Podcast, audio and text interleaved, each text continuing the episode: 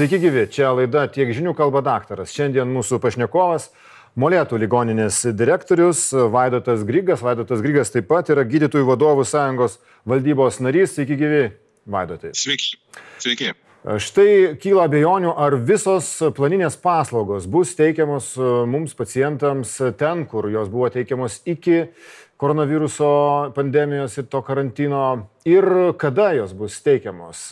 Ministras Aurelius Veryga na, prigrasino mažinti finansavimą toms ligoninėms, kurios neteiks planinių paslaugų. Kaip molėtų ligoninė? Ar jau teiks tas planinės paslaugas? Ar teikia jau? Molėtų ligoninė e, teikia planinės paslaugas, pradėjo tiksliau teikti nuo gegužės 18 dienos.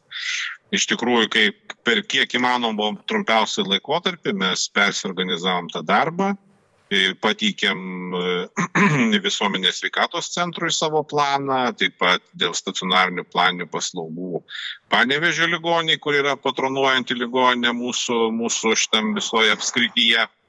Ir mes tą darbą pradėjome jau, jau trečia, trys savaitės, tai va, eina ketvirtą savaitę, kada mes tas planinės paslaugas teikiam. Ar didelės eilės, ar gali gauti molėtiškiai konsultacijas, pavyzdžiui, artimiausių laikų?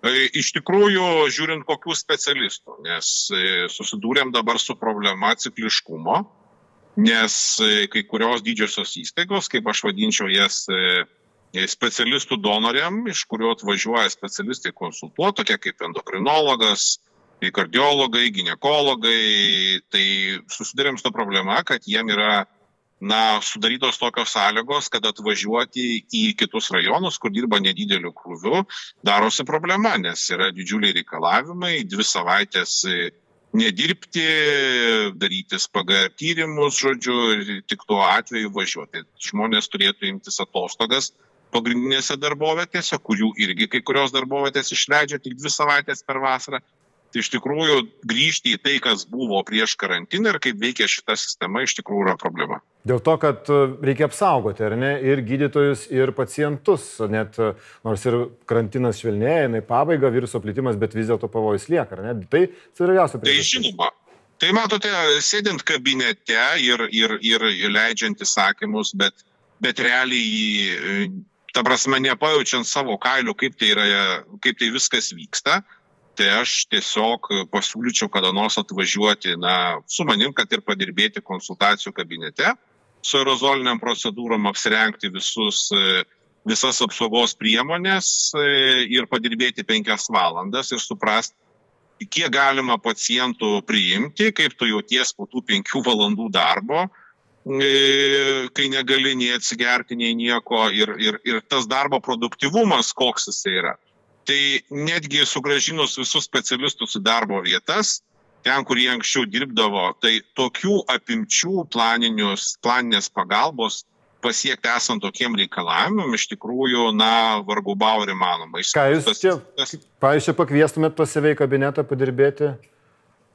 Tai tie kas kas sako kad neįsivaizduoja kaip į neįmanoma to padaryti ir šimtą procentų atstatyti tos veiklos ta veikla neatsistatys šimtu procentų ypač regionuose rajonuose jeigu neatvažiuos specialistų ir juolab kad yra reikalavimai tiek dezinfekuoti patalpas tiek turi būti tam tikri tarpai tarp pacientų tai tų sakau apsukų tų apimčių e, pasiekti tai praktiškai šiuo metu neįmanoma turint tokius resursus. Ar tai reiškia, kad e, pacientai E, ne tik artimiausių metų, bet ir e, tolimesnių metų nebegaus tų paslaugų, kurias iki šiol, iki tiksliau koronaviruso pandemijos gaudavo, kad ir molėtose. Aš manau, kad visos įstaigos tengiasi suteikti maksimaliai kiek įmanoma tų paslaugų, atnaujintą darbą, bet aš manau, kad tokių apimčių pasiekti, kaip buvo iki tol, kol kas nebus įmanoma, tam reikia laiko dviejų trijų mėnesių aš manau kad visas tas vaizdas kokį pasimatys realiai rugsėjo mėnesį kaip tos apimtys visos grįžta. Ir e, jeigu išskyrus tą faktorių jeigu vėl neįvyks kažkokia tai antra banga ir vėl nereikės tos sistemos išjungti. Nes šita sistema buvo žinot kaip elektros mygtuką. Vieną dieną paėmėm mes ją išjungėm bet sustabdžius tokį mechanizmą kuris veikė iki tol ir e, neužteks vieno mygtuko paspaudimo ar pagrasinimo kažkokio ir ta sistema tikrai neįsijungs taip, kaip jinai buvo iki šiol veikia. Bet ministras Veryga, kurį jūs turbūt norėtumėt pasikviesti pas save į ligoninę, pakonsultuoti kartu, jis sako, kad geriausias vadybinis instrumentas yra pinigai. Štai pagrasino, kad įstaigos negaus finansavimo, jeigu neįsives planinių tų visų paslaugų likščiau buvusių. Ir atrodo, kad veikia toks pagrasinimas. Tai e, iš vienos pusės galima tikrai pritarti ministrui dėl to, kad e, laiko buvo pakankama pasiruošti tam, kad pradėti tas paslaugas teikti. Mes nekalbam apie paslaugų, sakykime, šimtaprocentinį atstatymą, mes kalbame apie tai, kad tas paslaugas bent pradėti teikti. Tai čia šiuo atveju reikia sutikti su ministru dėl to, kad, na, matyt, aš nemanau šiaip, kad daug įstaigų, bent jau mūsų mažosios rajono ligoninės, šiandien kaip tik mes skambinomės ir klausinėjomės vieni kitų, kas yra atkūrę tą darbą, tai mažosios ligoninės jos atkūrė tą savo darbą planinį. Ir iš tikrųjų, bet tuo pimčių pasiekti tikrai mes kol kas nepasieksime, bet tas, na, finansinis, sakykime, ministerija įsipareigojo finansiškai, sakykime, kad jis būtų stabilus tas finansavimas, mes turėkime sąžinės ir įsipareigokime tas paslaugas atkurti. Tai nematau tam iš tikrųjų problemų ir, ir daugelis įstaigų, bent jau mažų rajono ligoninių, tos, kurios galėjo, pasiruošė ir tos ir, ir teikia tas planės. O žinot, Lietuvoje tokių įstaigų, kurios neteikia ir dabar nukentės finansiškai ar net užsilenk gali, kaip jūs esat paminėjęs anksčiau? Aš manau, kad e, dabar tai jos tikrai visos pradės teikti, dėl to, kad netekus vienos dvyliktosios finansavimo, realiai uh, dirbant už faktą ir suteikiant paslaugų nuo 30 iki 50 procentų, jūs pats įsivaizduojat, kad yra nerealu išgyventi turint tokį biudžetą. Vėlap, kad daugelis įstaigų tokios finansinės pagalbės, finansinių rezervų tikrai neturi. Tai, na, šiuo, šiuo atveju tai iš tikrųjų būtų labai negeras dalykas, nes daugelis įstaigų tiesiog finansiškai būtų nebepajėgios toliau funkcionuoti. Todėl mes ir sakome, kad, kad labai šiam momentui yra svarbus tas stabilus finansavimas. Ir jeigu ministerija ir ligonių kasos iš tikrųjų davė pažadą šitą e, finansinį stabilumą išlaikyti ir toliau, kas panašu, kad tikriausiai taip ir bus, e, ir mes siūlom tą daryti labai aktyviai, tai mes irgi turim būti sąžiningi ir dirbti taip, kaip, kaip na, kaip turim dirbti, nes mesgi mūsų pagrindinis tikslas ir yra padėti pacientams ir dirbti dėl jų. Tai aš manau, turim čia šiuo atveju irgi būti vadovai sąžininkai. Ministras Veryga sakė, kad vadovai dažniausiai atsakingi, jeigu įstaigose jau pinigai nepasiekia papildomi medikų, o pinigai skirti, sakė ministras Veryga, ir jisai mano, kad būtent čia yra, jeigu nepasiekia, tai vadovo administracijos atsakomybė. Kokia situacija jūsų vadovaujamo ligoniniai? Mūsų situacija tokia, kad e, iš tikrųjų mes, kadangi nedirbom su COVID-19 ligoniais, neturėjom nei vieno atvejo, kaip ir neturėjom teisės skirti papildomų finansinių paskatų gydytojams ir, ir, ir slaugytojams.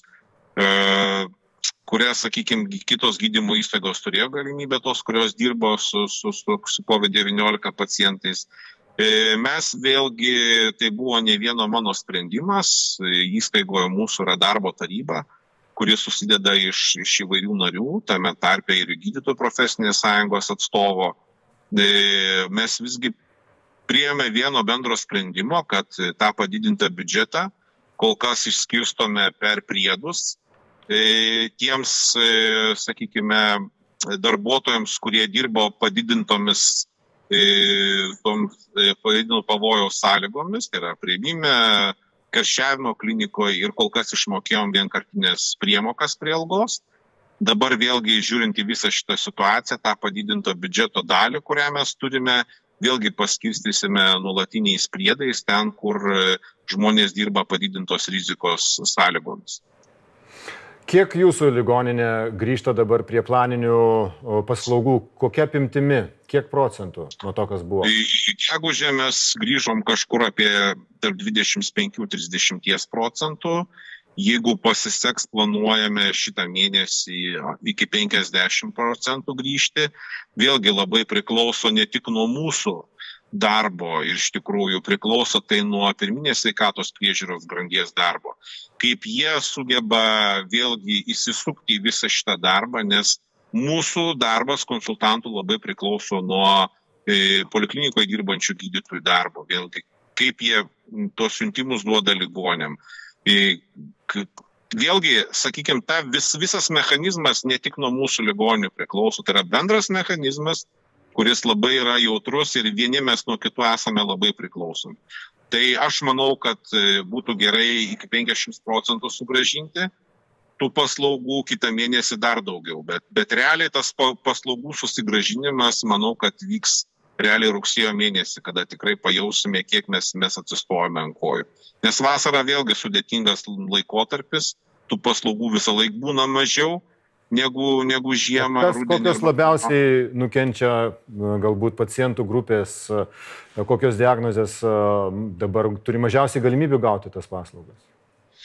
Na, pas mus matyti tie, kurie serga endokrininės sistemos lygomis, kardiologinėmis, e, šiek tiek dėl okulisto darbo, bet čia vėlgi dirbam su savivaldybė, bandysime antrą oftalmologo kabinetą įrengti kad tos paslaugos pajudėtų. Žodžiu, na, daug, dauguma tie, kurie ir šiaip visą laiką būdavo eilės pas tuos specialistus, tai tos eilės dabar dar šiek tiek pailgėja dėl tų pačių specialistų trūkumo.